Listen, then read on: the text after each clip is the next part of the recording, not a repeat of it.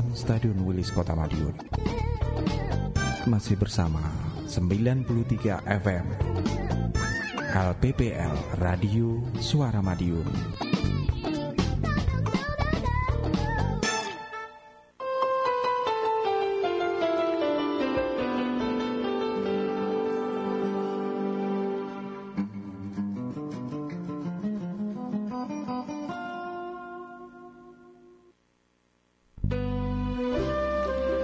Ya 93 MHz sahabat Saramadiun di mana pun Anda berada. Itu tadi beberapa lagu pengantar ya. Sebelum kita menginjak ke tema yang sebenarnya malam hari ini Saya ingin menyajikan suatu tema literasi UMKM Yang pada kesempatan malam hari ini saya sudah ditemani oleh sahabat-sahabat kita dari relawan TIK juga pelaku UMKM atau UKM yang ada di studio.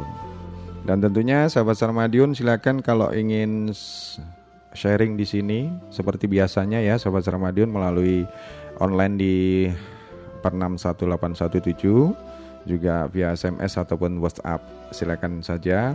Dan baik untuk mempersingkat waktu kita segera mulai saja untuk interaktif ataupun sharing kita malam hari ini dengan tema literasi tentang UMKM.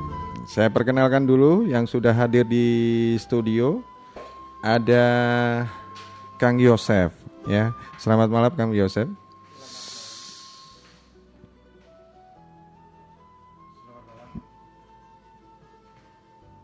Sebentar, sebentar.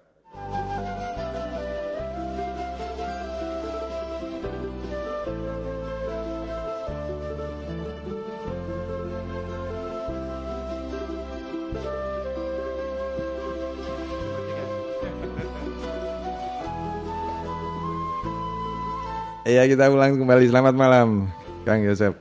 Selamat malam. Ah, ah. gimana kabarnya nih, Kang Yosep? Uh, baik, alhamdulillah. alhamdulillah. Untuk yang kedua ada Pak Budi nih selaku pelaku UKM di Kota Madiun. Selamat malam.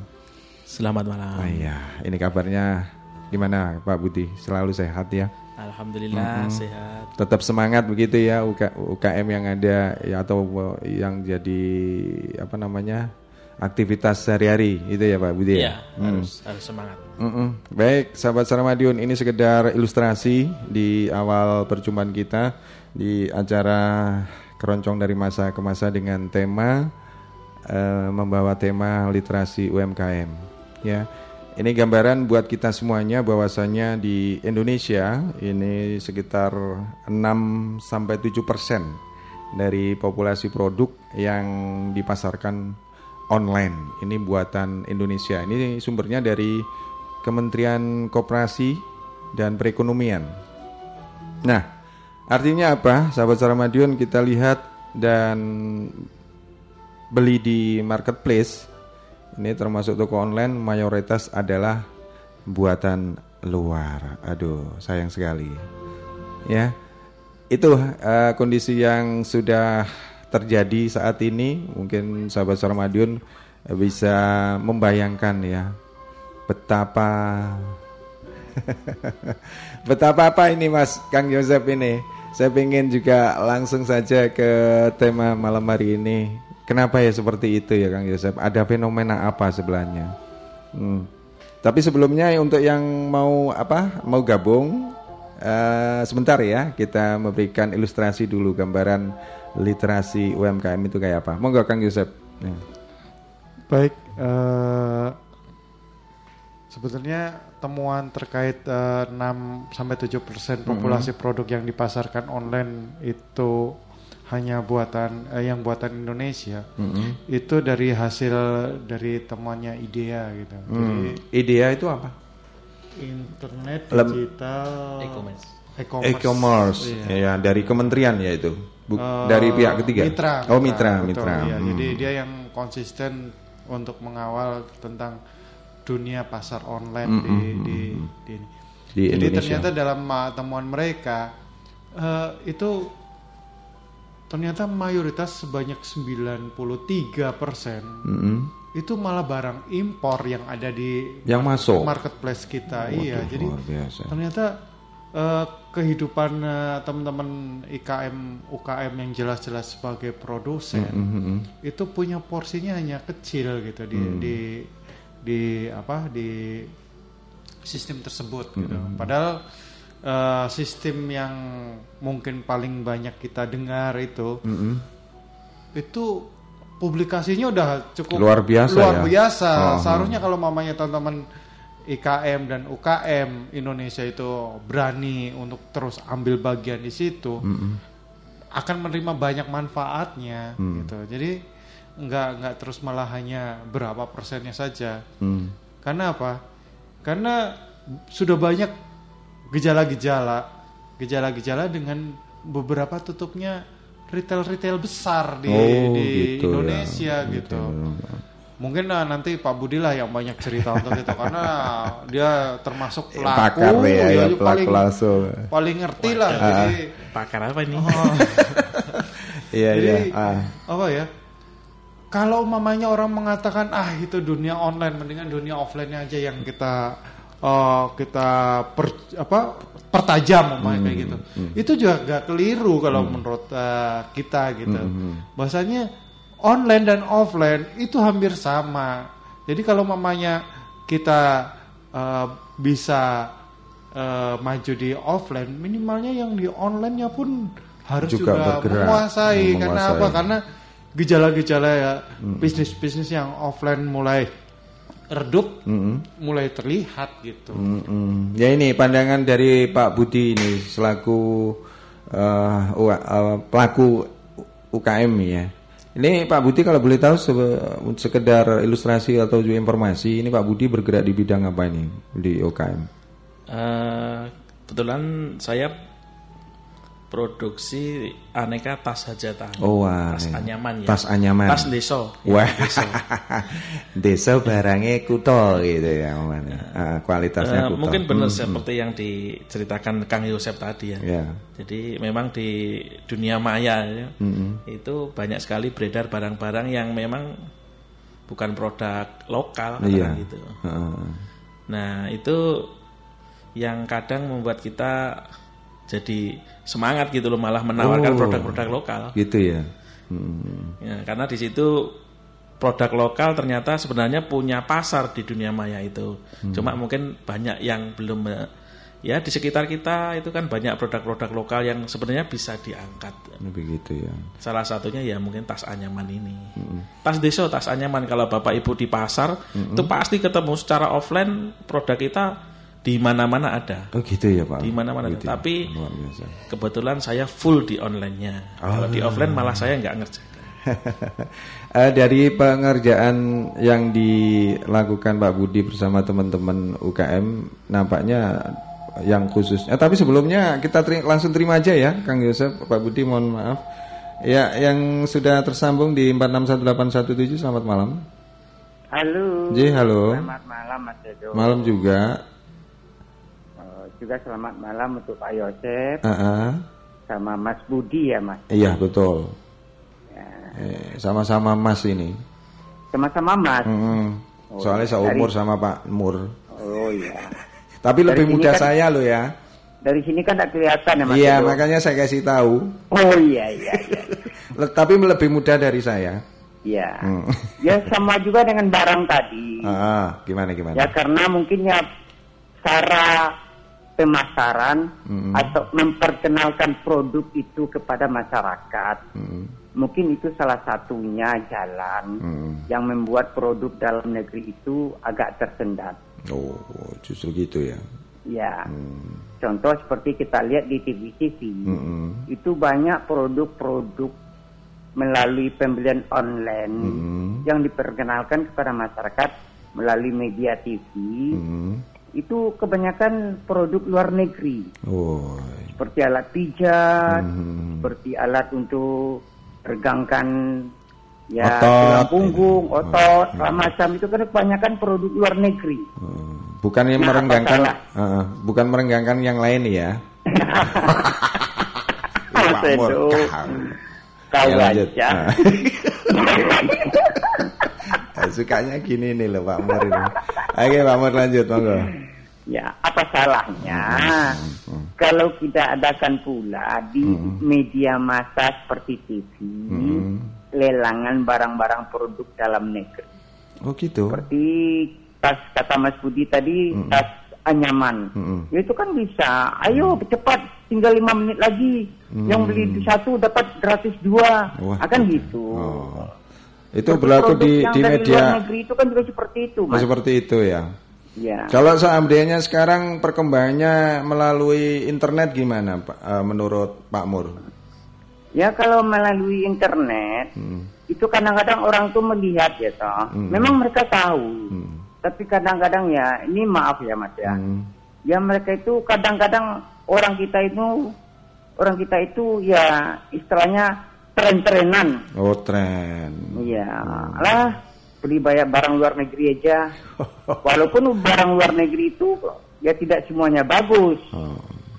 Oke, oke. Ya, bagi saya ya seperti itulah salah satu. Nggak, maksud saya begini, oh, kalau Ya. kita eh, yang ada di realita ya, ini kan sudah merebak jadi toko-toko online yang di namanya itulah namanya si A, si B dan sebagainya sebagainya itu Ya. juga sudah begitu pesatnya dia mempromosikan. Itu pun eh, dari perusahaan lokal apa namanya eh, usaha-usaha lokal sebenarnya juga ada di situ. Cuman Ya. menurut Pak Mur ini dengan gejala seperti itu bagaimana untuk me- menyikapi eh, kekuatan dari produk lokalnya begitu Ya, lewat online itu tadi. Hmm. Dapat salam Dari siapa? Bentar. Hmm. Dari Mbak Retno. Oh, Mbak Retno selamat malam Mbak Retno ini juga Selamat pelaku malam, Mbak KM. Iya, ini Mbak Retno juga pelaku KM loh ya. Ya, saya tahu. saya juga pelaku UK Ah. UMKM. Gitu ya.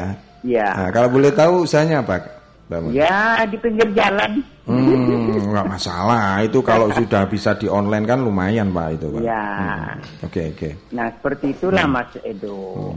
Jadi, perkenalkan produk kita itu secara detailnya. Hmm. Ya, masuk ke rumah-rumah. Itu yang offline ya Cara promosi-promosi yang offline. Hmm.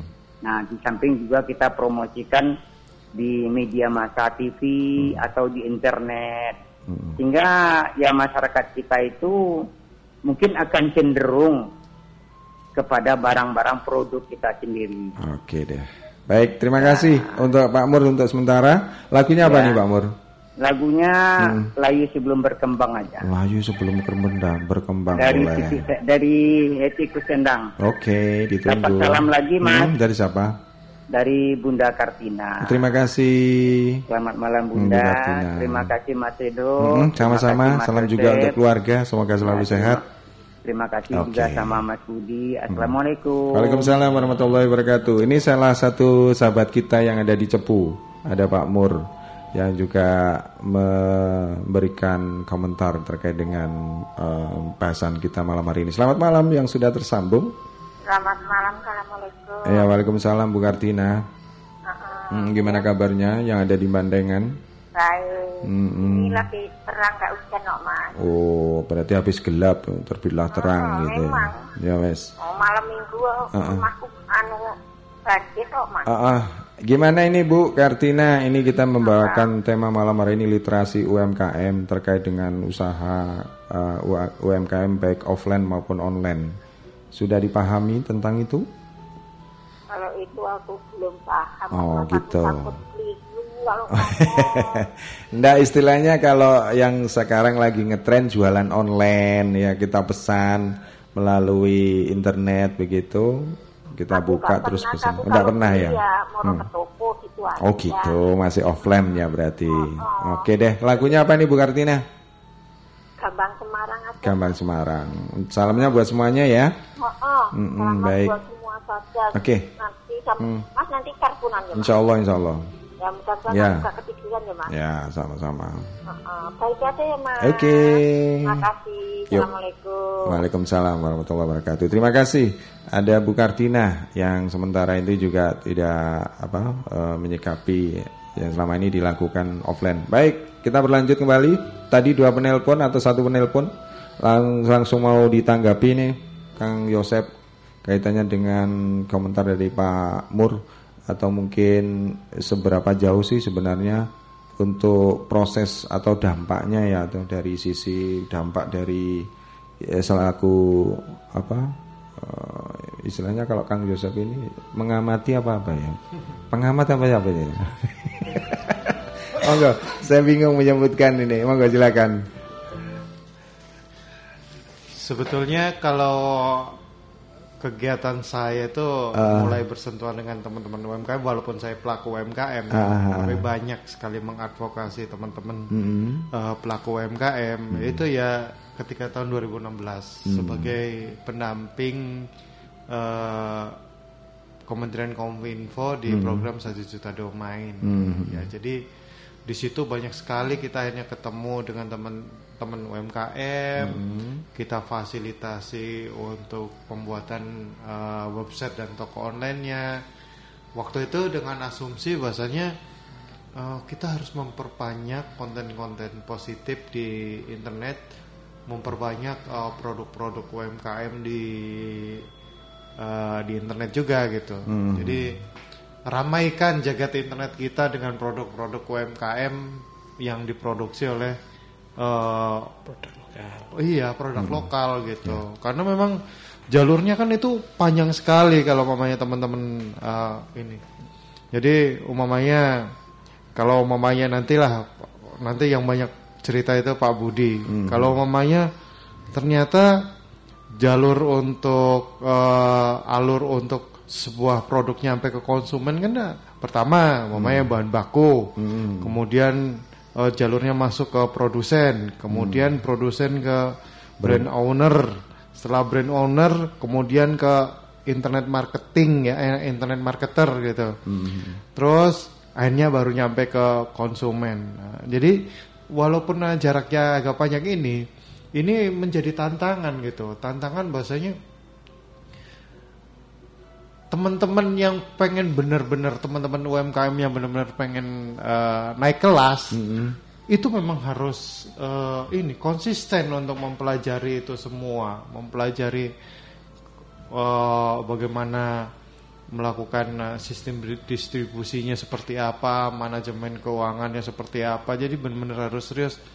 Karena memang ada pertanyaan lah dari eh, mungkin eh, apa ya? Pertanyaan apa ya eh, pertanyaan negatif lah gitu loh. Eh, umamanya kalau memang nggak bisa produksi ngapain kita paksakan produksi gitu loh? Tapi kan sebenarnya jawaban yang seharusnya kita eh, kita jadikan refleksi untuk diri kita sendiri adalah produksi adalah hasil sumber daya manusia bukan sumber daya alam. Artinya Ya produksi adalah nasib yang harus diperjuangkan bukan takdir yang harus kita terima. Jika para pemasar terus mencari harga termurah, komisi penjualan terbesar tanpa peduli kesejahteraan produsen, maka IKM Indonesia ya nggak bakalan tumbuh gitu. Oh gitu ya. Nah mau tidak mau di sini fungsi teman-teman eh, teman-teman relawan, relawan TIK itu harus memperkuat literasi digital buat teman-teman UMKM gitu loh. Pengetahuan-pengetahuan terkait bukan hanya sekedar gimana cara bikinkan toko online, bukan hanya sekedar eh, ini. Dia harus juga merasakan. Kadang-kadang saya cerita ke teman-teman eh, relawan TIK ojo mung ngajari tok eh, jangan hanya ngajarin orang buat toko online ngajari bagaimana mengelola toko online. Cobalah belajar untuk ikut jualan gitu saya bilang. Ikut jualan. Hmm, biar bisa merasakan ya. betul. Jadi selain teman-teman eh, membantu teman-teman UMKM yang mungkin pengetahuan digitalnya agak eh, agak kurang, walaupun menurut saya mereka nggak kurang. Iya. karena saya lihat mereka Mampu. aktif di Facebook, Oh, di iya, WhatsApp, iya. di Ah, Instagram gitu. Tetapi mungkin konsentrasi mereka belum benar-benar penuh di online gitu. Hmm. Makanya kadang-kadang saya bilang ke teman-teman relawan TK, ambil bagian itu bukan hanya ngajarin, ikut jualin gitu saya bilang. Oke, Seperti itu. Itu realisasi dari teman-teman untuk menuntaskan literasi digital di bidang UMKM. Oke. Terima kasih Kang Joseph. Kayak kalau ingin menambahkan Kang apa Pak Budi ini terkait dengan ini semacam fenomena ya, atau realita yang kita hadapi yang kita anggap bahwasanya untuk jualan online ini nampaknya kelihatannya marak, tapi sebenarnya yang ada di lingkungan masyarakat itu sebenarnya hanya bagian kecil yang yang kita sebut di awal tadi hanya 7%. Ini bagaimana? Uh, jadi gini uh, Pak Eko itu ya. Iya. Jadi kita sebenarnya kita udah dua tahun ini kita dibentuk sama Badan Pemberdayaan Masyarakat Oh, sudah. Kota Nggih. Forum UKM berbagi bersama berkembang. Oh, gitu. Kebetulan kita selama dua tahun itu mendampingi teman-teman UKM juga yang eh, menurut Kang Yosep tadi secara teknologi kurang, tapi sebenarnya banyak juga yang mereka sebenarnya juga sudah familiar dengan Facebook, dengan semuanya ya. Sederhana sebenarnya kalau memang serius memasarkan secara online salah satu misalkan Facebook aja dikuasai itu tiap hari upload produk, upload produk pasti ada yang lihat Oh, begitu. sederhana satu persatu mungkin dari situ. Nah selama ini kan mungkin Facebook itu mungkin fungsinya mungkin sebagai curhat ya tempat curhat, narsis dan sebagainya, sehingga Benar, benar, fungsi untuk itu kurang. Tapi melihat ini saya potong mohon maaf Pak Budi. Kalau kita eh, efektif nggak dari eh, yang media sosial yang kita buat dengan satu blog katakanlah yang khusus eh, apa namanya memuat produk-produk kita begitu seperti itu. Gimana? Efektif nggak kira-kira? Eh, Kalau dibanding dengan efektif. blog oh, itu. Kebetulan saya meyakini yang gratisan-gratisan itu efektif. Oh begitu ya. Saya kebetulan mengelola beberapa blog gratisan, Facebook yang beberapa akun yang memang kita khususkan untuk market tertentu. Hmm. Itu nggak pernah untuk komen lah. Iya, iya, akun iya. itu nggak pernah untuk komen politik atau Aha, apa. Ya tempat untuk jualan. jualan, jualan, gitu. jualan. gitu. Jadi memang kita jaga akun itu. Hmm. Dan blog-blog gratis yang manfaat ya itu sederhana. Jadi nggak nggak usah berpikir biayanya mahal lah di Hmm. internet itu. Betul. Jadi teman-teman UKM ini kan mungkin kalau bisa memanfaatkan itu secara positif Hmm. antara blog gratisan, Facebook yang sampai saat ini sangat familiar Hmm. itu sudah bisa untuk Iya. menghasilkan. Gitu ya. Ini berarti ini bocoran alus, ya, bocoran alus. Ini selama ini Pak Putih, selama usaha jasa ini nyampe berapa Pak untuk apa namanya eh, omset dalam artian pada jualan online ini hanya sekedar informasi buat sahabat-sahabat kita yang lagi mendengarkan di 93. Monggo Pak Budi disampaikan. Ya cukup lah pakainya. Eh, ya mungkin kendala-kendala yang selama ini di, di, dialami Pak Budi apa kira-kira terkait dengan sistem penjualan kah atau mungkin ada seseorang yang agak sedikit eh, rewel dan sebagainya sebagainya itu pasti ya dihadapi ya kan Pak Budi. Ya. Ini mungkin kita ber- bisa berbagi, monggo. Ya kalau seperti itu seperti halnya kita jualan secara offline.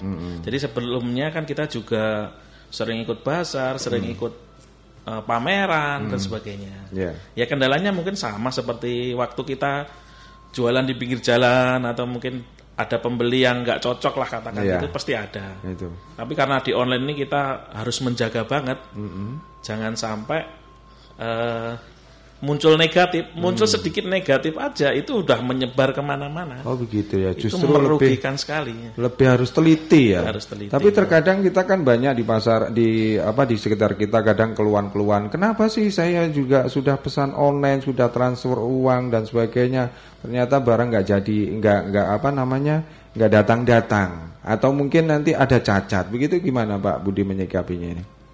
Nah, kalau di kita kalau memang ada sesuatu yang nggak cocok dengan pelanggan biasanya kita berani menggaransi, Oh dikembalikan nggak gitu. apa-apa. Jadi ada sistem eh, semacam tanggung jawab. Tanggung ya. jawab lah karena Tanggung jawab dari- Hmm. kepercayaan itu sangat penting kalau secara online itu. Cuma memang ada para pelaku usaha yang kadang ya mungkin karena akun buat akun itu sangat gampang, kadang disalahgunakan. Oh begitu. Nah ini terkait dengan ini apa teknologi ini, Kang Yosep yang tahu persis kaitannya dengan penggunaan akun nih istilahnya. Eh, Ini kalau sahabat suara Madiun, ah, kalau akun itu diibaratkan alamat ya, Kang Yosep. alamat dari produk itu bisa disampaikan monggo. Kalau akun itu akun apa? persamaannya akun dari eh, produk tertentu yang di, dihasilkan untuk eh, belanja apa namanya jualan online itu tadi. Oh iya. Hmm. Eh, kalau mamanya kayak pembuatan akun di mar- Hmm. marketplace kan itu mengarah apakah akun itu sebagai pembeli atau penjual walaupun itu bisa menjadi dua fungsi Dua fungsi. penjual dan pembeli banyak hanya sekedar pembeli saja banyak yang eh, juga eh, jualan saja. Hmm. Walaupun beberapa eh, marketplace itu sudah memberikan beberapa layanan gitu, layanan seperti penjualan tiket dan lain sebagainya yang mau tidak mau itu bukan bukan lagi ranahnya U- UKM, itu ranah eh, kerjasama B2B, business to business seperti itu. Hanya saja eh, pembuatan akun-akun seperti itu memang kita memang harus betul-betul Hati-hati. memperkuat. Iya, literasi digitalnya harus kita perkuat gitu. Seperti umpamanya beberapa kasus yang terjadi eh, upaya-upaya penipuan barangnya sudah di apa sudah dikirim eh sudah diorder kemudian sudah transfer tapi barang belum dikirim resinya itu nomornya Nampaknya palsu oh gitu ya, loh. nampaknya seperti Nah, itu. tapi kan kadang-kadang membuat orang yang tidak ngerti, pokoknya iya. Pernah ada teman saya, sesama teman relawan TK cerita ke saya. Hmm. Dia ceritanya kayak gini, dia pesan barang, memang harganya agak miring. Dia order. Setelah order, kemudian dia telepon. Ini barang sudah saya kirim pak, jadi bapak eh, ini eh, Ditunggu saja. ditunggu saja tolong diklik approve gitu Oh, di-approve. penerimaan barangnya karena apa buat orang-orang yang nggak tahu kan ya, tanda penerimaan barang itu sama aja barangnya sudah terima uangnya masuk ke apa rekening si penipu gitu Iya, iya, loh iya, iya. jadi depositnya ke si penipu itu Hmm. jadi Padahal arti approve sendiri kan setuju ya. Atau Jadi ada disetujui. Hmm. ada beberapa tahap kalau ya yang ini karena menggunakan rekening bersama biasanya Hmm. uh, marketplace marketplace. Yang mungkin uh, banyak harus diperkuat juga pak pengetahuan uh, digitalnya itu juga terkait masalah itu aman Kak. Hmm. Uh, sebagian memang sudah mulai memperkuat diri keamanan Hmm. transaksi elektroniknya lewat rekening bersama itu. Hmm. Ada yang mungkin masih agak ragu adalah ketika banyaknya blok-blok palsu gitu Hmm, loh. Memang efektif. Ada yang masih merasakan efektif itu. Tetapi karena banyaknya blok-blok yang palsu itu jualan nah, nggak nggak bener-bener bener-bener jualan hanya nipu kayak mamanya handphone dulu yang paling ramai itu Hmm, Ramai handphone, ya. website blog blognya toko HP Oh. ngakunya barangnya BM dari mana? Dari Batam. Ada yang kayak gitu kan? Nah itu yang harus di ini ke masyarakat juga harus hati-hati harus hati-hati. Makanya ada yang memberikan fasilitasi marketplace seperti itu. Tapi juga kita harus memperkuat di eh, lini kita sendiri, Sendiri, yang ya. harus paham Nah, tentang ini gitu. tentang kepahaman tadi ya. Untuk kita sebagai mungkin customer atau mungkin eh, mau yang akan beli suatu barang online. Nah ini cara untuk mengetahui apakah eh, ini satu yang yang menjual lewat online ini asli atau tidak. Itu gimana mas? Yuk Kang Joseph Kalau saya lah ya, Hmm. kalau saya biasanya umamanya itu adalah website yang tidak menggunakan nomor rekening bersama. Hmm. Saya ngecek dulu track recordnya, Hmm. terus nomor dari komen-komen yang di bawah Iya, itu eh, biasanya saya juga sampai googling Hmm. domain itu punyanya siapa. Jadi ada fasilitas WHOIS itu untuk mencari tahu ini domain punyanya siapa, alamatnya di mana, nomor teleponnya valid atau tidak, eh, nomor rekeningnya termasuk yang di list sebagai nomor rekening penipu atau bukan, karena ada yang sampai membuat list rekening-rekening macam-macam Iya, sementara kalau mamanya kayak yang ada di marketplace tinggal dilihat aja ratingnya gitu. Oh, Eh, gitu. eh, jadi rating itu kan tingkat kepuasan, kepercayaan gitu. Jadi oh ini benar-benar barangnya sampai oh ini order hari Senin barang baru dikirim Jumat. Berarti kan tanda tanya ini ada masalah ini di sistem distribusi di offline-nya mereka seperti apa. Jadi banyaklah cara itu. Kita bisa buka kelas bersama ini mungkin eh, nanti wah BBB yang lebih Baik, ini. oke. Kita beri kesempatan untuk penelpon yang sudah masuk. Selamat malam, halo. Selamat malam Mas Edo. selamat malam. Assalamualaikum warahmatullahi wabarakatuh. Waalaikumsalam warahmatullahi wabarakatuh, Mbak Ulan. Iya, gimana punya kabar Mas Yosep, Mas Budi, dan Mas Edo? Iya, terima kasih sehat. Mudah-mudahan Mbak Ulan juga demikian ini. Iya. Terima kasih ini. Mm-mm. Kalau masalah online, Mm-mm. aku no comment. Iya, Masalahnya aku juga belum pernah beli secara online begitu ya. dan aku juga, ya Mas Edo tahu sendiri. lah. Iya, oke. Nah, mungkin dari dengar-dengar yang langsung didengar oleh apa Mbak Ulan, mungkin di lingkungan keluarga Mbak Ulan pernah terjadi atau gimana? Atau mungkin ada yang punya usaha yang Iya memang juga coba. ada sih sebenarnya Hmm, lancar-lancar bantu. aja kok Hmm. lancar-lancar aja Oh, makanya lancar-lancar aja. Eh, saya kira untuk eh, secara online selama ini aku belum pernah dengar mengalami kendala kayaknya Hmm. eh, kayaknya sip-sip aja deh gitu, Gitu ya. komen saya Oke. Eh, aku juga belum pernah beli secara online Eh, gitu. paling-paling hanya lewat temen eh tolong aku pesen barangnya kayak gini nah kayak gitu tapi, Tapi kan aman-aman sendiri- saja ya. aman-aman Oh, saja gitu nyampe dengan waktu yang Iya. dijanjikan gitu ya. Iya, insya Allah kalau eh, itu dimanfaatkan eh, Sebenarnya memudahkan baik. ya. Eh, kenapa mas? Memudahkan. Iya, insya Allah itu juga memudahkan kita nggak capek-capek kayak gitu kan. Asalkan ya eh, benar-benar teman yang sudah kita kenal eh, benar-benar eh, orangnya itu sudah sudah tahu pada kita. Kita sendiri juga eh, sudah memahami tentang online itu sendiri kan kayak gitu. Oke. Insya Allah aman-aman saja kayak Gitu gitu, ya. mas itu. Alhamdulillah kalau Ah, begitu. ah, Oke. jayalah Indonesia aku diputer ya mas. Oke, ditunggu. Indonesia ini benar-benar jaya. Makanya sekarang teknologi sangat canggih.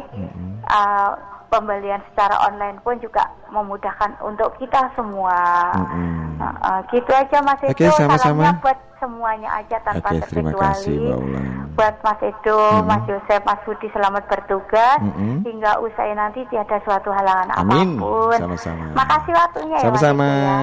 Wassalamualaikum warahmatullahi wabarakatuh. Waalaikumsalam warahmatullahi wabarakatuh. Ada Mbak Wulan ini yang juga aktif ya, simak selalu di 93 MHz dan tentunya terima kasih untuk sharingnya yang jelas eh, dari pengalaman ini tidak ada masalah tentang pesanan eh, atau belanja online. Selamat malam. Malam. Mm-mm. Assalamualaikum Mas Edo. Nah ya malam juga. Saya Mas Edo Iya dengan siapa? Dari Magetan Mas Edo. Oh, Mbak siapa ya? Devi ya? Iya, Oke, gimana kabarnya Mbak Devi? alhamdulillah baru masuk rumah ya. Mas. Oh, baru masuk Boleh, rumah. Mas. Oke. Ini kaitannya malam hari ini kita Ya, apa, membawa tema tentang literasi UMKM. Nah, ini mungkin eh, Mbak Devi bisa eh, sharing ya dengan kita di sini kaitannya dengan perkembangan atau mungkin ya semacam sharing tentang pengalaman-pengalaman lah eh, atau yang dialami oleh teman atau sahabat dan yang lain kaitannya dengan jualan online. Ah, gitu. Ha, ha, ha. Apa yang didengar atau yang di- pernah dilihat atau yang dialami menurut Mbak Devi? jualan online. Ya, Ada segi untungnya, Mas. heeh. Ya. untungnya gimana? Apa? Untungnya gimana? Untungnya seandainya kita dari sananya itu Hmm, kita dihargai 100 ya, Mas. hmm, Nah, kita kembali ke konsumen Hmm. yang pesen barang itu kita lumayan terus online itu apa Mas?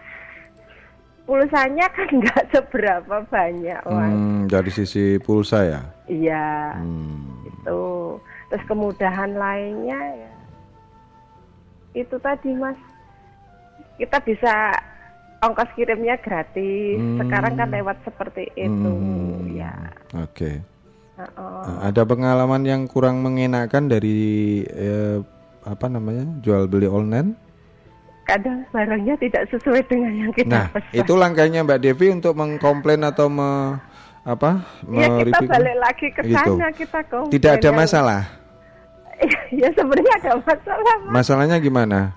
Ya barang sudah terlanjur dikirim. Hmm. Ah, tapi kan tidak sesuai dengan apa yang kita pesan itu tadi. Hmm. Terus eh, solusinya atau penyelesaiannya Solusinya dari kemarin produsen? itu Hmm. Sempat pas ya Mas ya. Ya, ya, ya. Ah, ah. suruh kembalikan lagi, dikirim lagi Mbak ke Jakarta. Ya udah, tak kirim lagi. Hmm. Terus habis itu Sampai ada sekarang belum ada. lu, lah terus Kabar uangnya berita. gimana? Apa? Uangnya dari Mbak Devi yang sudah Yang ditransfer? ditransfer tadi. Hmm. Ya dia janji tetap barangnya ada tapi mau dipesankan gitu. Oh, hanya itu solusinya. Iya. Oke Tapi deh. sampai sekarang baru dua minggu sih mas. Hmm. Nah, Oke. Belum. Oke. Ya Seperti mudah-mudahan bisa sesuai dengan apa yang dipromosikan begitu ya. Iya. Oke deh. Sesuai dengan apa yang kita lihat di itu Ah, ah, tadi ah. situs itu tadi. Oke, terima kasih Mbak Devi sharingnya. Monggo Tadi silakan aku mau dengar lagu minta apanya? lagu Apa? kekasih kalau nggak salah itu Oke, tadi. ditunggu. Ah, ah. Terima kasih buat Sama-sama. Mas Yosef sama siapa Mas Edo? Ada Pak Budi Oh Pak Budi. hmm, sebagai Selamat pelaku usaha juga. Pak. Hmm, juga Mas Yosefnya, Mas Oke. Edo. hmm. Selamat bertugas. Sama-sama. Terima kasih waktunya. Maaf bila saya menjawabnya belepotan. Wah, enggak masalah. Yang penting terima kasih. Oke, bisa, ya. terima Terima kasih Mbak. Devi. Waalaikumsalam warahmatullahi wabarakatuh. Dua penelpon yang berbeda. Ini Kang Yosep sama Pak Budi. Tadi juga sudah ada pengalaman kalau yang Mbak Ulan tadi aman-aman saja. Nah, ini untuk Mbak Devinya ini nampaknya juga apa sedikit ada kendala tadi disampaikan sebagai pengalaman yang sudah diceritakan. Nah, ini kaitannya dengan pelaku usaha ini sebagai pelaku usaha langsung kayak Pak Budi ini gimana Pak Budi eh, yang yang harus dilakukan sebagai pelaku usaha ketika eh, customer ini eh, tidak sesuai dengan barang eh, yang dipesan begitu. Sebagai kompensasinya apa? Monggo Pak Budi. Eh, sebenarnya sih kalau waktu beli barang itu kan mesti selalu ada deskripsi dan mungkin Deskripsi ada itu deskripsi macam- produknya, Ah, Jadi identitas semacam bahannya, oh spesifikasinya. Oh gitu ya. dan mungkin di situ mungkin di ada forum chatnya tanya jawab lah dengan penjual dan pembeli. Oh begitu. Nah, mungkin di situ harus detail, harus tanya biar gak seperti itu terulang karena ya eh, kadang gambar itu tidak sesuai dengan ya, Itu juga telah mengaruh dengan anu ya hasil teknologi eh, waktu kita ngambil gambar apa gimana? Kok tidak sesuai kadang-kadang? Nah ini yang Ah. kadang memang kan ada yang sudah stok baru, Hmm. kemudian uh, diproduksi kembali Hmm. seperti itu, macam-macam ya kondisinya.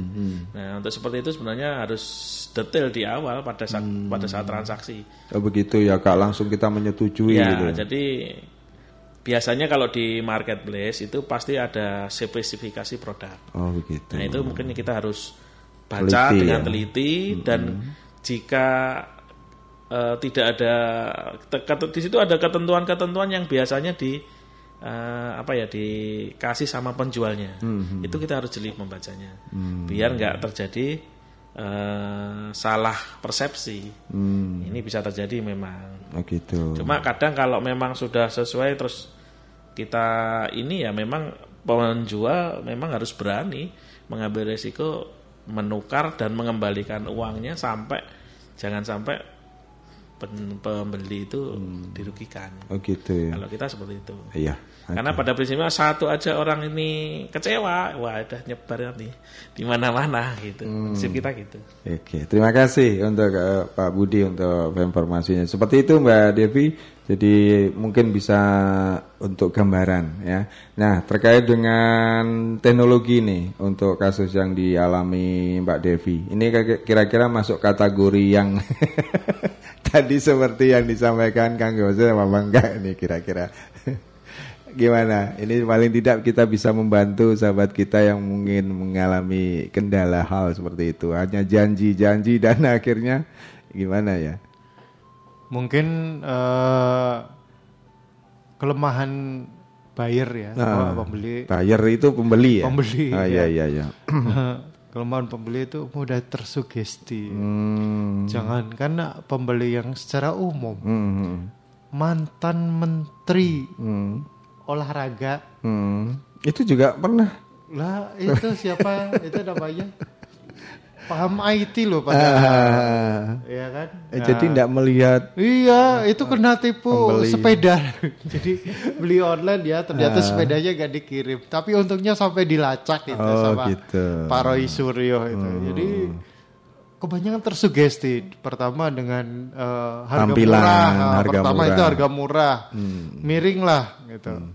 Terus eh, penampilan. Kadang-kadang orang eh, tertipunya adalah eh, penampilan ya, di luar dari ekspektasi gitu. Gambarnya seperti ini, ternyata barangnya seperti ini. Yang menghebohkan kemarin itu yang ada di salah satu marketplace sepertinya bukan bukan kesalahannya penjual, Hmm. juga bukan upaya penipuan, tetapi ketidaktelitian pembeli. Oh gitu. Iya, iya. Jadi hanya se- semacam apa itu TG, eh, TG itu apa? Taper glass untuk apa? Untuk pelapis HP, Hmm. harganya berapa ratus ribu. Disangkanya itu dijual itu HP-nya itu harganya berapa ratus ribu itu gitu loh. Hmm. Padahal jelas-jelasan di di marketplace tersebut itu tertulis eh, TG tak tempered glass gitu. Hmm. Jadi ah, pelindung HP lah, pelindung HP. Memang pelindung HP yang mahal gitu. Karena asumsi yang menjadi permasalahannya adalah di marketplace itu paling sering melakukan flash sale ya. Jadi penjualan cepat dengan harga miring gitu. Dipikirnya wah ini harga eh, harga murah ya sampai cuma 10 persennya gitu. Ah, Yang dilihat itu handphonenya bukan ada tulisan eh, tempered glass jadi ya, pelindung pelindung HP gitu lah. Iya. Jadi jadi itu kebanyakan di di Atau mungkin begini, eh, Kang Yosep, kalau saya menangkap tadi ulasan dari Kang Yosep tadi, nampaknya terjebak dari satu, ya memang betul ketelitian, mungkin dari ketidakmengertian arti yang sebenarnya untuk nama istilahnya apa tadi? Eh, Tapi yang kalau itu itu apakah? sudah sudah Kan banyak yang menggunakan Iya. istilah ah, Inggris, bahasa Inggris kan gitu, atau mungkin seperti itu ya Iya. kira-kira. Hmm. Karena barangnya juga tulisannya itu tempered glass. Jadi memang Ya, tempered itu, glass iya, gitu, seperti untuk itu. pelindung HP gitu Oh, loh. oh. Jadi seperti itu. Jadi Terus dikira-kira begitu, Iya. oh kira-kira ini ini gitu. tersugesti, Tersugesti. juga maaf saja ada rasa kerakusan dari pembeli. Hmm, biar biar di Ini harga murah gitu pikirannya sudah wah hilang sudah akal sehat kan ada yang begitu sudah ada apalagi kalau ada broadcast di WhatsApp di Ah, BB ah. ini ada HP hasil apa itu Eh, Sitaan. citaan Citaan. Oh, semuanya harga dan HP eh, HP dan laptop semuanya di- dijual satu juta oh, kayak gitu. Itu aja kadang-kadang ada aja yang ter apa terjebak di situ gitu. Jadi benar-benar harus uh, teliti ya. iya teliti dan juga jangan, Jangan cepat ter- tersugesti, tersugesti. gitu jangan wah harus. Nah, kadang-kadang saya kalau mamanya ada temen eh, pernah konsultasi ke saya. Ah, Mas piye carane Mas? Ben ora tertipu. cepet-cepet beli barang ah. online ya. Karena pernah teman saya itu ngelihat ini ada barang bagus, nggak mikir. Saya Hmm. sampai memperingatkan dia untuk jangan beli dulu. Harganya tujuh ratus ribu. Mm-mm. Eh, iya 700 ribu. Hmm. Saya bilang, jangan mas.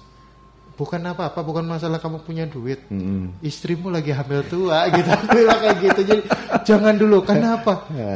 Barang yang mau kamu beli nggak ada hubungannya dengan nanti istrimu melahirkan. Iya, saya iya, bilang iya, kayak iya. gitu. Ah, akhirnya Caranya adalah berhenti dulu gitu. Ja- jangan tersugesti harus beli barang itu gitu. Jadi pikirkan dulu, bener nggak butuh? Oh. Jadi diedukasi dulu, bener nggak butuh barang itu? Oh. Jangan sekedar, wah saya harus punya ini, Oh. saya harus punya ini gitu. Itu ya kalau di sisi pembeli ya, kadang-kadang Ya, eh, ya, saya ya. saya berikan eh, edukasi. Ed- edukasi. Jangan, pokoknya berhenti dulu mikir, pokoknya jangan terus klik buy, terus kirim ya seperti itu. Tapi ini kemudian tanya dulu, chatting dulu kalau bisa, Ah. ditanya-tanya deskripsi produknya seperti apa, apa seperti yang disampaikan sama Pak Budi tadi.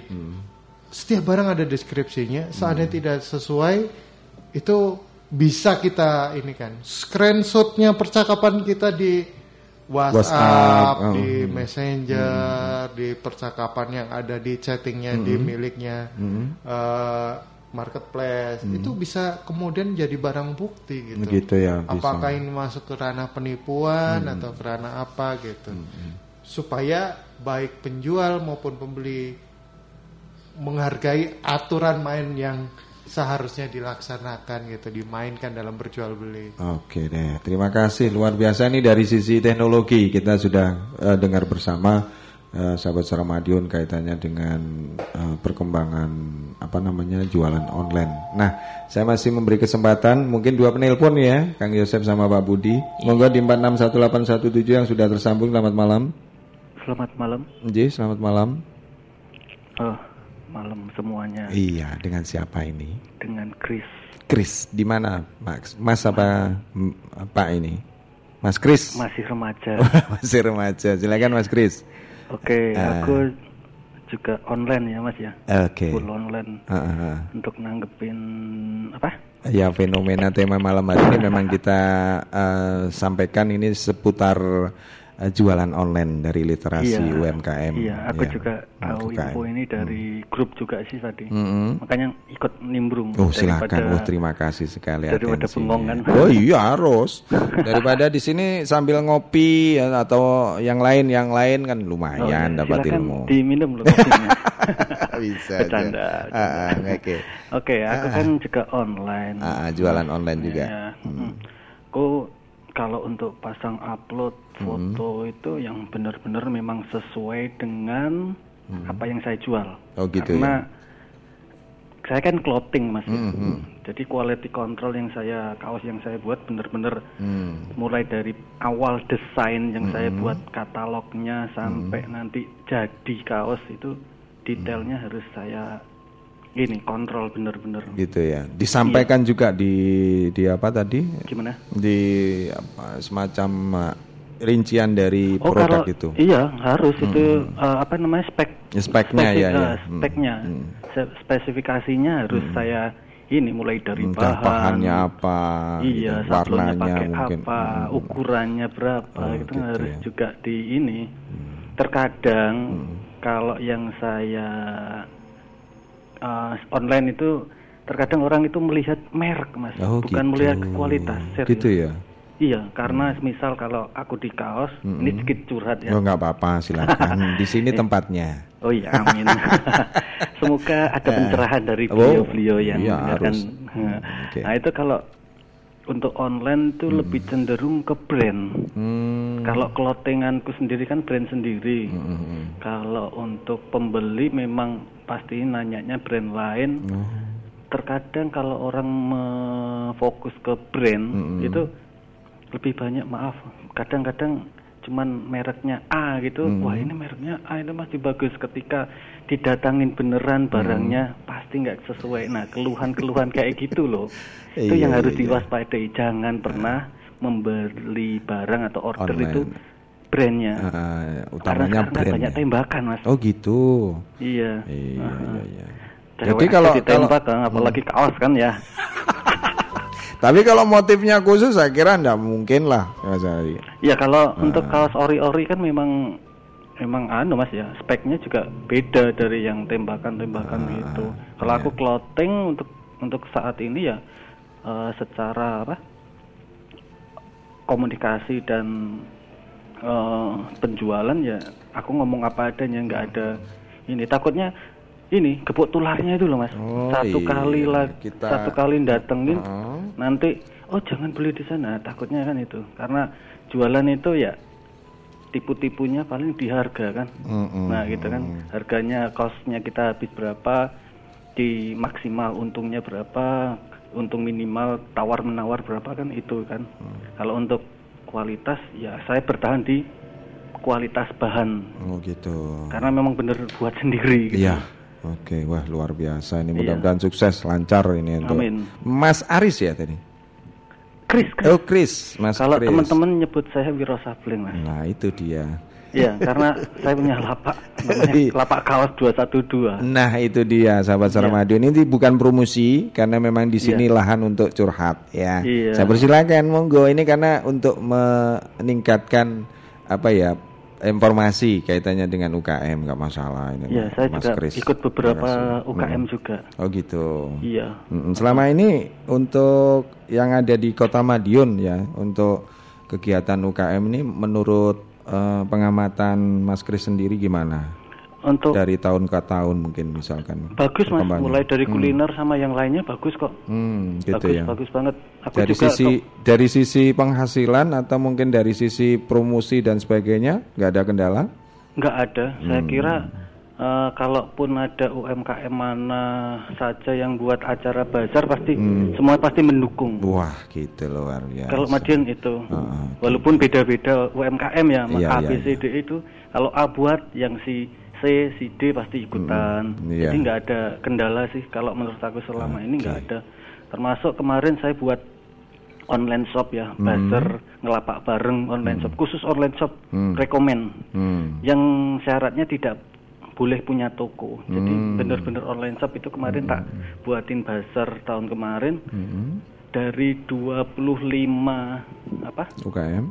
uk- uh, Atau online usaha. shop online Mhm, shop mhm. 20 yang hadir dan Mhm. lima nggak kebagian tempat karena Loh, serius mas Iya, iya, iya. online shop itu jangan dipandang sebelah mata karena kayak ter anu ini aku kira kemarin tak buat tak beri space Ah. 2 meter gitu ternyata yang dibawa semua lemari dibawa bawa serius sampai Iya. panitia Ah, ah, ah. lima itu Ah. itu ngalahin ya wes lah Ah, yang oke. penting 20 itu maju yang kita pegawai pegawainya lah Ah. kita uh, pelayanan itu Iya, iya, iya, beneran yes. online shop itu Menjanjikan barangnya, sebenarnya uh, ya. terkadang online shop itu ada dua kan Hmm. online shop resmi itu yang memang benar-benar dia punya modal Punya untuk brand. beli kaos Iya. enggak, enggak untuk beli barang maaf Hmm. untuk beli barang untuk stoknya dan ada juga online shop yang dropshipper nah yang bahaya ini di drop- dropshipper karena dia Hmm. pesen dulu Hmm. jadi nggak direct nggak Hmm. direct nggak langsung langsung oh ya aku punya barangnya kalau enak kalau punya barang pesen kirim tunggu Selesai. berapa hari selesai Ah. pengiriman ada terus penerima juga ada kan kalau Ah. dropshipper kan harus nanya dulu ini barangnya ada nggak sih ya gitu Ah. kalau pembeli kan mbak aku pesan ini oh ya sebentar nah, sebentarnya itu yang perlu ditanyakan sebentar nanya terus sebentar dilihat cek ah, di Oke. lemari kan gitu Oke, terima kasih. Oke, terima kasih, Mas Mas. Kris. Ini ada ini saya hadiahi lagu keroncong ini Wah, apa ya? saya suka Bengawan apa Solo kalau itu? bisa. Bengawan Solo. Iya, Boleh terima kasih. deh. Terima Selamat kasih Mas malam. Kris. Salam Permisi. juga untuk keluarga. Baik, ada Mas Kris yang luar biasa ini. Dia juga sebagai pelaku apa namanya? pelaku KM ya. Yang tadi sudah disampaikan di usaha jasa ah, pembuatan kaos luar biasa ya. Semoga laris manis deh pokoknya. Selamat malam. Selamat malam. Ji. Selamat malam juga. Dengan siapa di sana? Pangkleng. Ya iyalah. Pada Ngawi.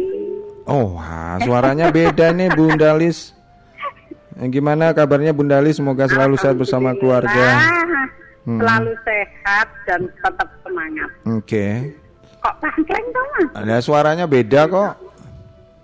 Sosokku ya pantes. Ya. Oke, Bunda Lis, Iya, iya, ini iya. sedikit kita sharing terkait dengan jualan online atau mungkin eh, Bundalis di keluarganya atau di familinya atau Bundalis sendiri mengalami sebagai pelaku UKM Ya, ya, ya. untuk di untuk tempat- untuk jualan di khususnya mm, jualan online tempat, ya. di, di tempatnya Bundalis itu sekarang memang marak gitu ya seperti penjualan online. lewat online ya. Iya. Hmm, hmm. Itu yang saya tahu Mm-mm. di kelompok-kelompok itu kapasitas Hmm. ada atau kelompok di di APM Mm-mm. ya itu membuat kelompok-kelompok yang membuat produk-produk unggulan dari desa per desa Oh gitu. Iya. Ya, ya, ya. jadi semua kelompok itu Mm-mm. diadakan apa pelatihan Mm-mm. dan memanggil yang ahli Mm-mm. di bidang banyak bidangnya uh-uh. ada yang sablon Uh-uh. terus kuliner Uh.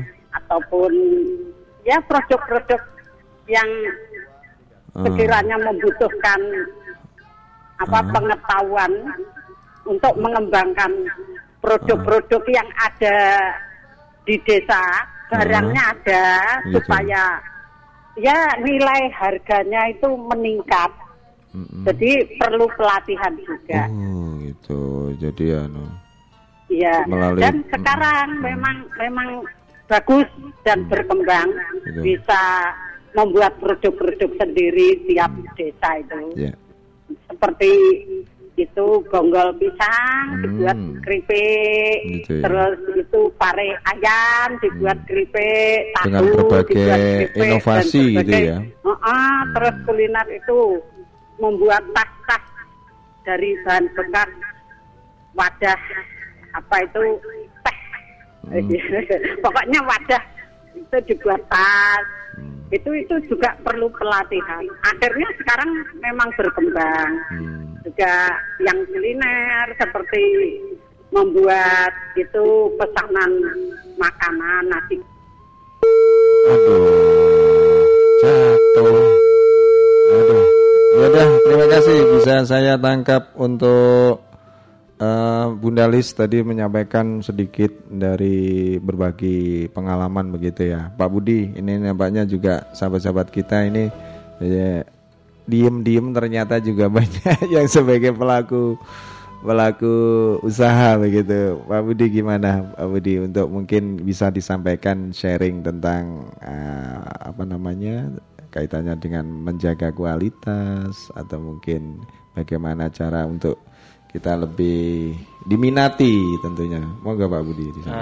Eh, Saya kira teman-teman UKM atau mungkin yang punya produk ya kan menyebut dirinya UKM Hmm. itu untuk saat ini lebih bagus kalau berkomunitas. Hmm. Tadi mungkin banyak Harus yang- berkelompok, berkomunitas Iya, gitu ya. berkomunitas. Karena di situ mungkin ada ilmu-ilmu yang bisa kita dapat gitu Jadi ya. wajib ya sebenarnya Pak Budi sebenarnya masuk di komunitas atau grup itu. Ya mungkin kalau kita Untuk mau berkembang mempercepat. biar tahu Hmm. informasi yang update ya memang harus di situ mungkin Terkadang kita informasi kan, yang murah. Iya betul. Terkadang kita kan enggan. Aduh ini jangan-jangan produk saya ini enggak laku misalkan. Nah, tapi dia mau gabung dengan beberapa ko- komunitas atau grup enggan ya karena ah di sana kan sudah sukses. Kadang-kadang karena ada seperti itu. Gimana menyikapi? Jadi Hmm. eh, harus dibalik itu. Kebetulan kita juga tahun kemarin itu mendampingi teman-teman UKM Hmm. Itu masuk produknya di pasar modern. Hmm. Barangnya memang nggak pernah ada di pasar modern. Ternyata itu yang paling disuka karena jarang orang itu tahu produk-produk kayak Iya, gitu. iya, ya. iya, iya, iya. Kayak pijet dari bambu, Ah, dari ah, itu kayu kayak gitu. Ah, ah. Kalau di mall kan orang mungkin biasanya nemukan Yang elektrik ya, seperti itu kayak ya. gitu ya. modern-modern. Tapi ini yang unik-unik itu. Hmm. Kalau zaman dulu tuh ada mainan yang apa ya, otok-otok-otok Hmm, yang putar itu. Ternyata itu malah laku keras di situ. Oh gitu. Karena sudah langka kelangkaan itu mungkin Ya, ya. mungkin orang nggak tahu ternyata ada produk seperti itu. Oke, oke, oke. Terima kasih Pak Budi. Ini Kang Joseph, kayak di sisi teknik dan apa namanya teknologi ini kaitannya dengan tadi pengalaman yang sudah di share dengan apa namanya langkah-langkah yang sudah ditempuh oleh eh, sahabat kita ada Mas Kris tadi yang disampaikan ada usahanya seperti itu. Nampaknya juga eh, tidak mempunyai nggak nggak menemui kendala dalam artian secara teknologi. Nah ini untuk lebih memantapkan lagi ke arah yang lebih besar tadi nampaknya juga tadi sudah diadakan event dan sebagainya sebagainya. Ini kaitannya dengan pengembangan uh, usaha dari sisi teknologinya gimana, Kang Yusuf? Ya, secara secara teknis mungkin yang mungkin masih agak lemah itu adalah di internet marketingnya ya. Internet marketingnya. Iya, internet hmm. marketing. Itu cukup menarik sih kalau mama tadi ngumpulin hmm. uh, online shop wah, untuk catering dan oh, buka lapak oh. bareng-bareng itu iya. cukup Suah. menarik. Bahkan hmm, ada ada ya.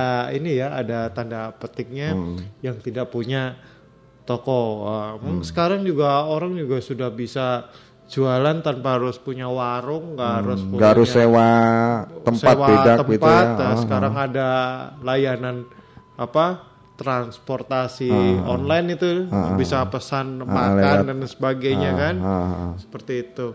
Hanya saja memang uh, kita kita harus memperkuat di sisi internet marketingnya. Hmm. Seandainya ternyata teman-teman uh, pemroduksi atau pelaku UMKM memang merasa lemah di situ, itu minimalnya harus tahu dulu aja deh, hmm. tahu dulu biar nggak dibohongi gitu aja. Hmm. Jangan, jangan, jangan terus uh, percaya 100% dengan yang namanya sebuah sistem. Hmm. Jangan uh, percaya 100% dengan namanya ini uh, marketer, hmm. penjual tapi bagaimana itu menjadi mitra? Itu yang lebih penting gitu loh. Jadi di mana-mana pengusaha mayoritas juga harus tahu ilmu-ilmu apa saja yang harus uh, dia ketahui terkait dunia yang akan dia geluti. Mamanya walaupun dia pak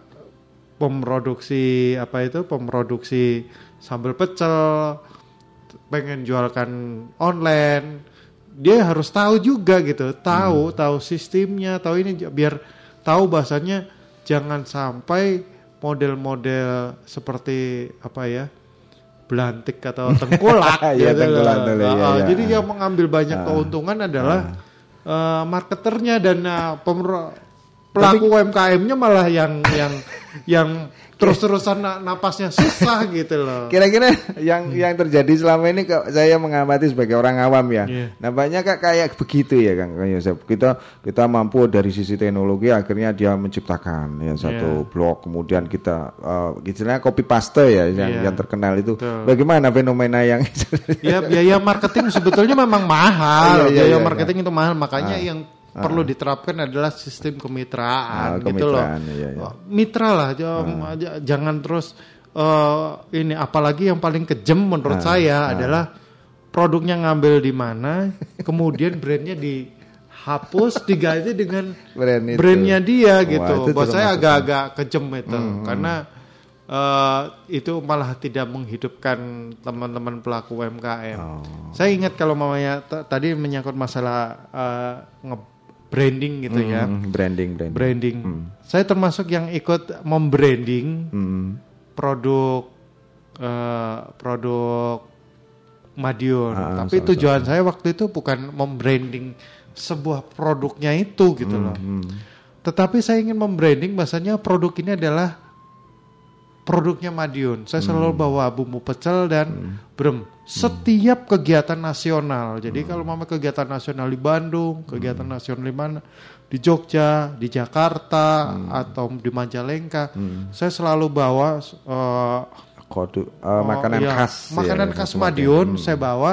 Dengan saya tidak khusus. memperdulikan itu produknya mana. Hmm. Jadi pokoknya saya bawa, saya beli, terdekat, saya bawa.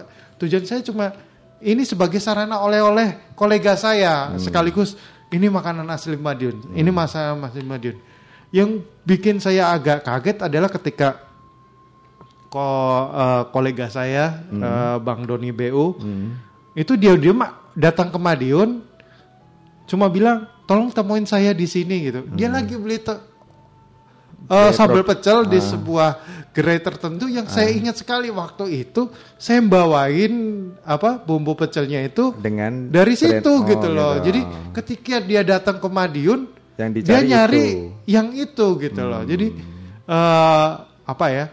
Jadi eh, branding itu menurut saya cukup penting dan teman-teman jangan jangan apa ya? Jangan kemudian eh, menafikan bahasanya kita tidak perlu membranding produk kita. Enggak. Hanya saja kita tidak bisa menggeser produk yang sudah ngebrand ya, Hmm. sudah punya branding lama. Kita cukup ambil bagian di situ. Hmm. Nggak usah lah ngambil uh, sampai menggeser 50% atau 75%.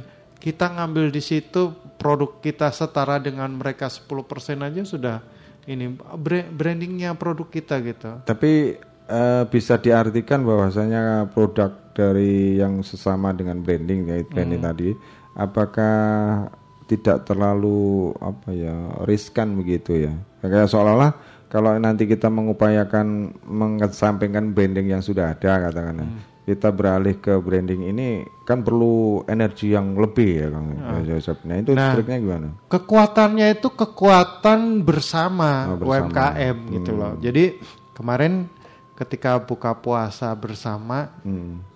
Waktu itu di tempatnya Pak Suno ya Iya. sambil nonton film Gerobak Daring Hmm. itu eh, Mas Indriarto Banyumurti dari Hmm. ICT Watch dia food blogger ya dia dia ngeblog tentang makanan-makanan iya iya. dia sampai memberikan rumus sederhana yang mungkin teman-teman UKM kenapa ha- penting berjejaring seperti yang tadi disampaikan oleh Pak Budi adalah bagaimana kita sharing testimoni. Hmm. Jadi kayak gini, nggak usah lah kita terlalu pengen memasarkan produk terus branding terus terus. Saya bukan menafikan Iya, jalur iya, uh, iya. media mainstream Ah, seperti ah, radio ah, dan ah. lain sebagainya. Hmm. Hanya kan ini memikirkan teman-teman yang budgetnya kecil untuk promosi gitu. Hmm. Itu bisa dengan sistem testimoni bersama gitu. Mamanya produknya Pak Budi tas anyaman. Coba kalau mamanya dalam satu forum UMKM itu ada 150 orang, 150 orang itu membuat testimoni tentang produknya Pak Budi. Masing-masing. Betul. Iya, iya. Nanti giliran siapa dibikin testimoni. Nanti hanya ramai gitu loh. Ah, Itu salah Dapat testimoni strategi. 10 aja orang yang di luar udah ngelihat ini. Wah, ini berarti barangnya Betul, bagus. apalagi kan mau tidak mau teman-teman saat berjejaring di forum UMKM itu sudah pernah ketemu minimalnya, sudah Hmm. bisa eh, memverifikasi ini benar-benar pelaku gitu. Hmm. Ini benar-benar punya barang yang untuk dijual bukan terus eh, saya jual tapi inden dulu ya gitu. Seperti itu. Oke terima kasih Kang Joseph Baik sahabat Ramadan Nggak terasa ya kita break dulu Untuk beberapa lagu yang sudah di request Tentunya ini sahabat Ramadan Untuk Mbak Wulan Yang tadi request Jayala Indonesia Ini mohon maaf sekali Eh, Mungkin nanti bisa saya eh, Atau mungkin SMS diganti apa Karena saya belum bisa menyiapkan Karena ada sesuatu hal teknis ya begitu Nah, saya, saya coba ke koleksi-koleksi dari lagu-lagu keroncong ini kok munculnya yang lain begitu. Oke, saya mohon maaf, mungkin bisa SMS untuk Mbak Bulan untuk lagunya. Kemudian ada beberapa SMS yang sudah hadir di sini. Terima kasih untuk Bu Irma, ada Bu Ros ya. Saya bacakan dari Bu Irma dulu. Ini selamat malam. Mas Edu selamat malam juga. Terima kasih hadirnya untuk Bu Irma. Nanti ditunggu aja lagunya. Selamat beraktivitas. Salamnya untuk semua fan Radio Suara Madiun.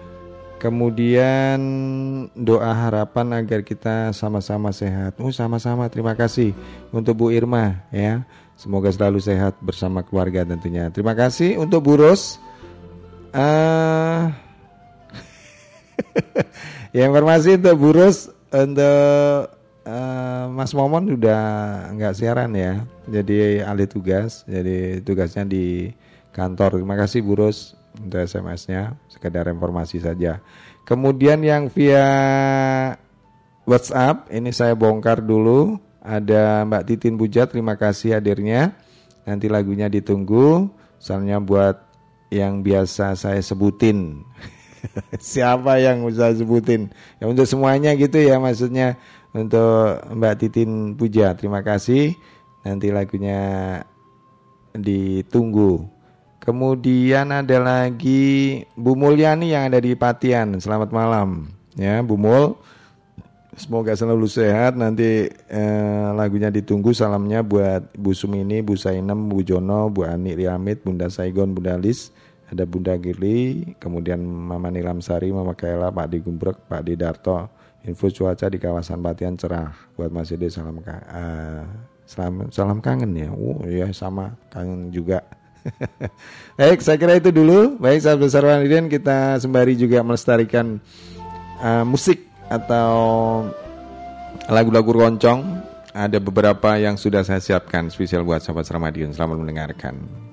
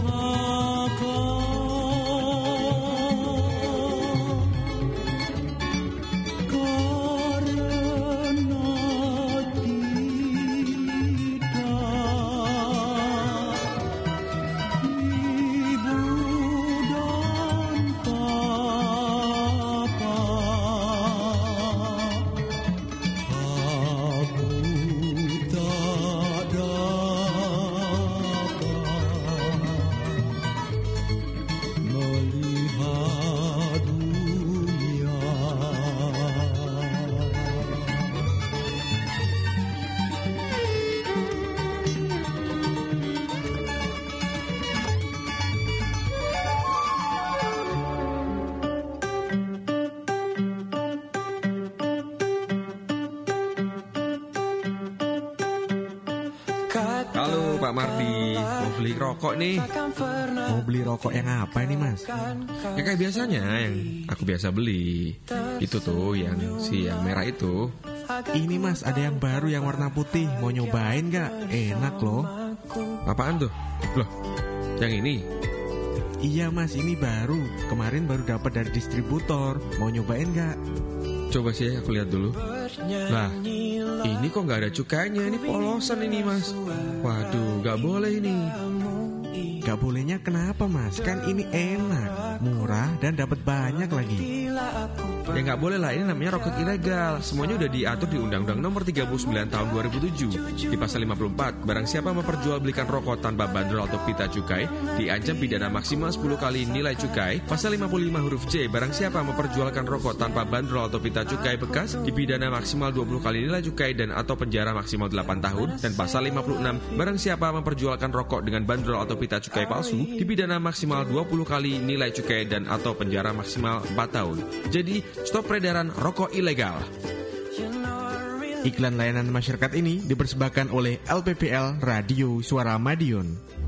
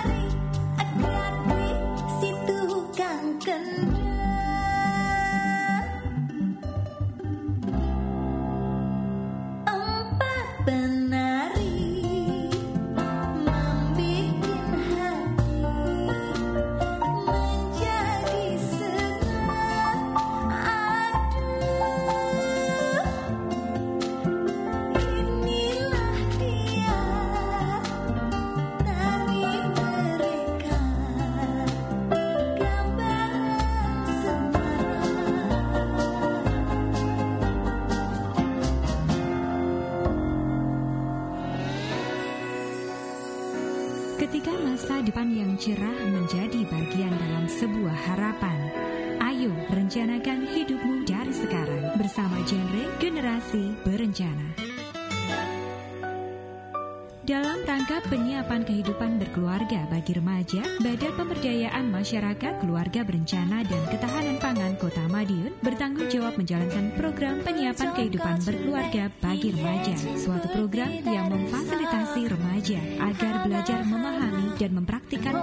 hidup sehat dan berakhlak untuk mencapai ketahanan remaja sebagai dasar mewujudkan generasi berencana atau genre. Jauhi perilaku seks bebas untuk menghindari infeksi penyakit menular seksual HIV dan AIDS. Katakan tidak pada narkoba.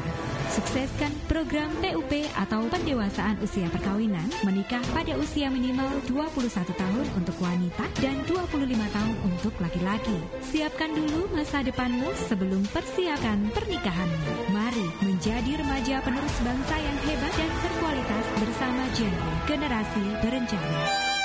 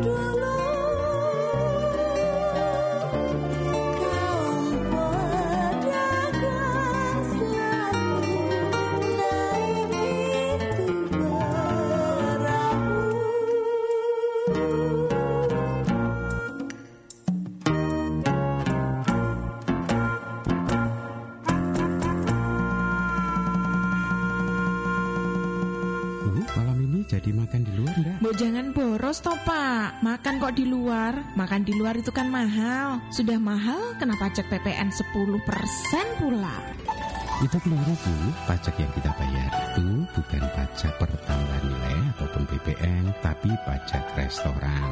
PPN itu termasuk pajak pusat, sedangkan pajak restoran adalah pajak daerah yang dikelola oleh pemerintah kota ataupun kabupaten. Jadi, pajak restoran dikenakan terhadap pelayanan yang disediakan oleh restoran, termasuk rumah makan, kafetaria, kantin, warung bar atau sejenisnya, dan jasa buga ataupun catering. Apa tarifnya juga 10%? Iya Bu, tarifnya 10% dari jumlah pembayaran atau yang seharusnya dibayar kepada restoran. Besaran nilainya bisa dilihat pada nota ataupun bil dari restoran. Kalau sudah begitu ke mana kita harus membayarnya pak? Kita membayar makanan dan minuman dari restoran sudah termasuk pembayaran pajak restoran. Pajak restoran selaku wajib pajak nantinya juga akan melaporkan dan menyetorkan pajak kita melalui Dinas Pendapatan Daerah. Oh,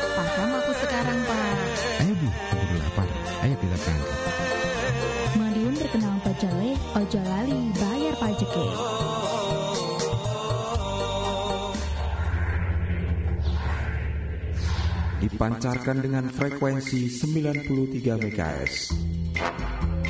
Inilah LPPL Radio Suara Madiun. Semakin hari, semakin padat informasi.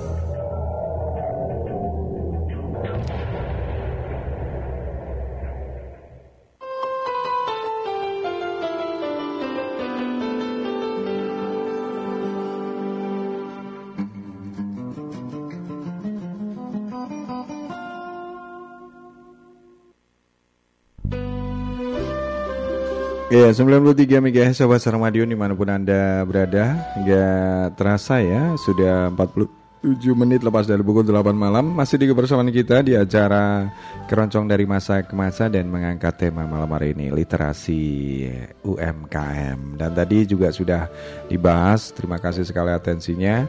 Tapi sekali lagi saya mohon maaf untuk yang mau hadir di via online Nampaknya juga masih banyak ya eh, tema atau materi yang kita sampaikan dan terkait dengan hal tersebut, eh, saya pengen langsung saja ke Pak Budi ya, Pak Budi kaitannya dengan rencana ke depan ini dari pelaku usaha untuk UKM ini. Ada program apa ya, semacam event begitu yang mungkin bisa memacu eh, kegiatan dari UKM. Monggo disampaikan Pak Budi.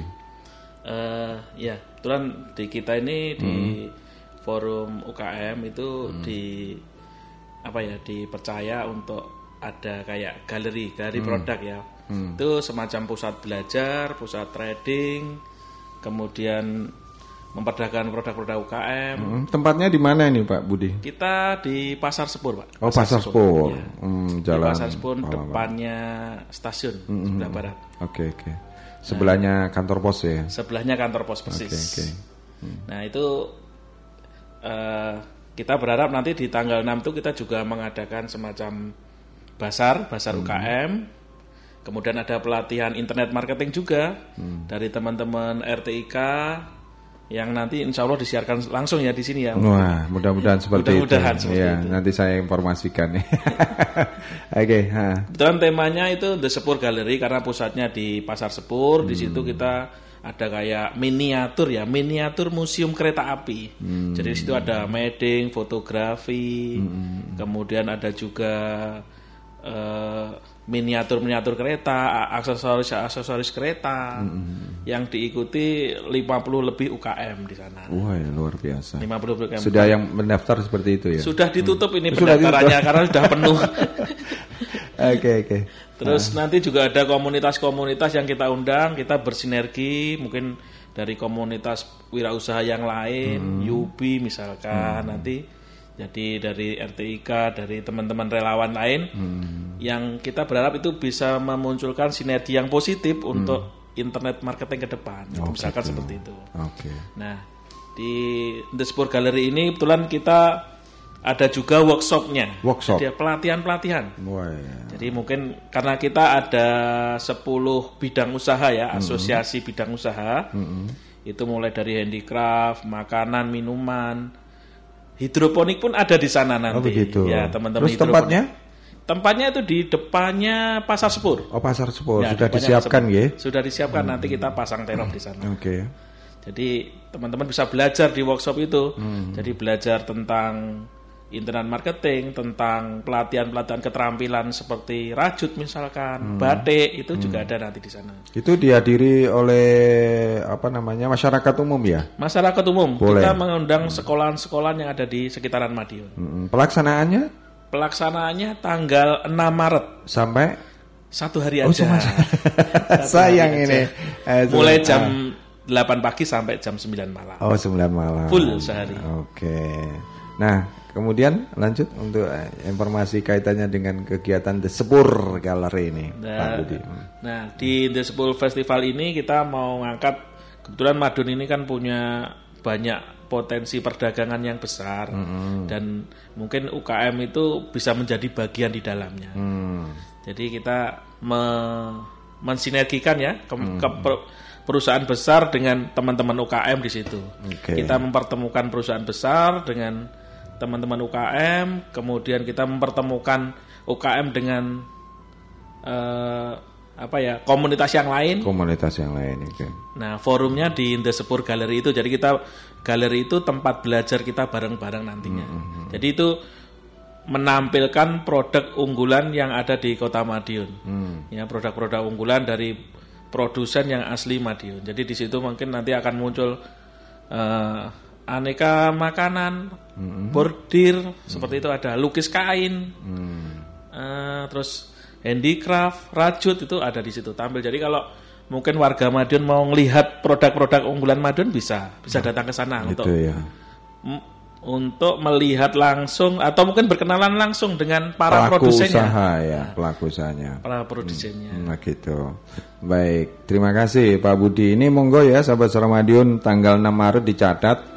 Jadi jangan ke mana-mana. Jadi fokus di kegiatan The Spur Gallery. Sahabat Suara Madiun akan bertemu. Sahabat Suara Madiun yang juga ingin berkonsultasi di sana dari pukul 8 sampai pukul 9 malam. Nah ini sahabat Ramadun manfaatkan buat sahabat Ramadun yang mungkin dalam tanda kutip ini belum mempunyai kesibukan atau mungkin belum mempunyai pekerjaan. Siapa tahu nanti di sana ketemu uh, lowongan pekerjaan ya kan. Eh, paling paling tidak ada kesibukan lah di setiap harinya. Sahabat Ramadan bisa uh, sharing dengan pelaku usaha, kemudian cara pengembangannya bagaimana dan sebagainya sebagainya. Nah, sebagai closing ini karena waktunya juga 53 menit kepada sementara ini untuk Kang Yosep ya kaitannya dengan teknologi. Bedanya apa sih sebenarnya distribusi offline dengan distribusi on- yang online ini kaitannya dengan uh, pembahasan malam hari ini? Ya, silakan Kang Yosep mungkin sisi baiknya atau sisi apa namanya dari penguatan produknya dan sebagainya sebagainya monggo Sebenarnya kalau mau ngomongin distribusi yang lebih pas ngomong malah Pak Budi ya. Oh, Pak Budi. Karena memang dia Nah, dari sisi teknik, Baik. eh, ah. Nah, kalau ngomongin Dari sisi dari teknologi. Teknologi karena Ah. teknologi hanya sekedar alat ya. Ah, ah, ah. Teknologi hanya tinggal membantu. Mm-mm. Ini lebih tepat berada di sisi distribusi online atau offline. Oh, offline. gitu. Hmm. Kalau mamanya kayak produknya dalam makanan basah kan nggak mungkin Oh, nggak dia mungkin. ada di Hmm. distribusi Hmm. online gitu. Iya, dia iya. tetap ada di distribusi offline seperti itu. Hmm. Yang mungkin yang harus digarisbawahi eh, saat mempelajari sebuah distribusi adalah eh, kita harus mengetahui tentang eh, kemampuan eh, promosi, Hmm. kemampuan apa itu eh, save save anggaran ya. Hmm. Ya, kita karena ketika barang Cost- sedang didistribusikan, Hmm. otomatis ada dana, Dana, sebagian biaya- kita biaya. yang ada di Hmm. luar dan itu harus oh, punya trik tersendiri betul. Oke. Nah, fungsi teknologi adalah seharusnya bisa memperkirakan ini bisa kembali kapan, ini eh, bisa kembali modalnya kapan dan bisa diputar balik lagi kapan Mm-mm. seperti itu. Jadi kalau mamanya sudah memperkirakan oh ini eh, sudah sampai ke pelanggan, Mm. kemudian kira-kira dana bisa dicairkan lagi oleh penyedia marketplace mamanya Mm. ya. Mm. Kapan? Kalau mamanya yang kayak langsung jualan online lewat toko online milik dia sendiri mungkin begitu masuk uangnya kirim itu sudah langsung kita punya uang Hmm, gitu hmm, loh hmm, hmm. hanya tinggal memperkirakan eh, hal-hal lain yang tidak diperkirakan itu gitu Hmm. seperti itu Oke, terima kasih ini dari sisi teknologi. Nah, sekarang eh, closing dari Pak Budi ini sebagai pelaku usaha terkait dengan distribusi offline dan online-nya nih. Bagaimana, bagaimana nih Pak Budi? Ya, kalau kita sih ya optimis aja ya, tetap Mm. harus walaupun tadi kalau kata Kang Yosep makanan basah itu tidak bisa, minimal ada fasilitas yang di Mbah Google itu Google bisnis namanya itu bisa menunjukkan arah kita di mana nih posisinya. Ah, ah, ah. Minimal ada ada seperti itu karena ya mungkin kalau menciptakan informasi kan bisa dari mana-mana. Betul, betul. Jadi kalau menurut saya semua usaha harus mulai masuk ke ke online ya Hmm. walaupun mungkin yang sederhana ya di Facebook ini kan sekarang kayak Sudah familiar. kayak familiar semua nggak ada orang mungkin yang Nggak kenal nggak kenal ya nggak ya, ngerti ya. betul. Cuma kan mungkin belum dimanfaatkan untuk me- mengenalkan usahanya. Hmm. Ya, itu mungkin bisa nanti kita belajar bareng-bareng di Tanggal 6 Maret. Tanggal 6 itu di TSG ya di Hmm. The Spur Gallery. Biar kita nanti bisa belajar, kita juga bisa dapat informasi terupdate-nya. Kira-kira bagaimana sih kita mengenalkan produk secara positif di dunia maya seperti itu? Masuk di workshopnya ya. Masuk di workshopnya. Oke, oke, baik. Saya kira itu. Udah tambahan lagi nggak ada? Oke, terima kasih sahabat Sermadion ya di kesempatan malam hari ini. Nampaknya waktunya juga merambat di 56 menit lepas dari pukul 57 menit dari pukul 8 malam. Saya akhiri di perjumpaan kita di acara keroncong dari masa ke masa. Mudah-mudahan juga ada manfaat untuk tema malam hari ini yaitu literasi UMKM dan tadi juga sudah disampaikan beberapa tip ataupun cara-cara ataupun permasalahan yang terjadi di seputaran UKM atau UMKM. Nah, ini nanti mudah-mudahan juga bermanfaat obrolan kita malam hari ini sekaligus kita juga melestarikan lagu-lagu keroncong yang asli Indonesia. Dan insya Allah nanti di lain kesempatan kita ketemu kembali dari kawasan Stadion Wilis Kota Madiun. Saya Edo bersama Kang Yosep juga Pak Budi. Mohon pamit undur diri. Wabillahi taufik walhidayah. Wassalamualaikum warahmatullahi wabarakatuh. Sampai jumpa.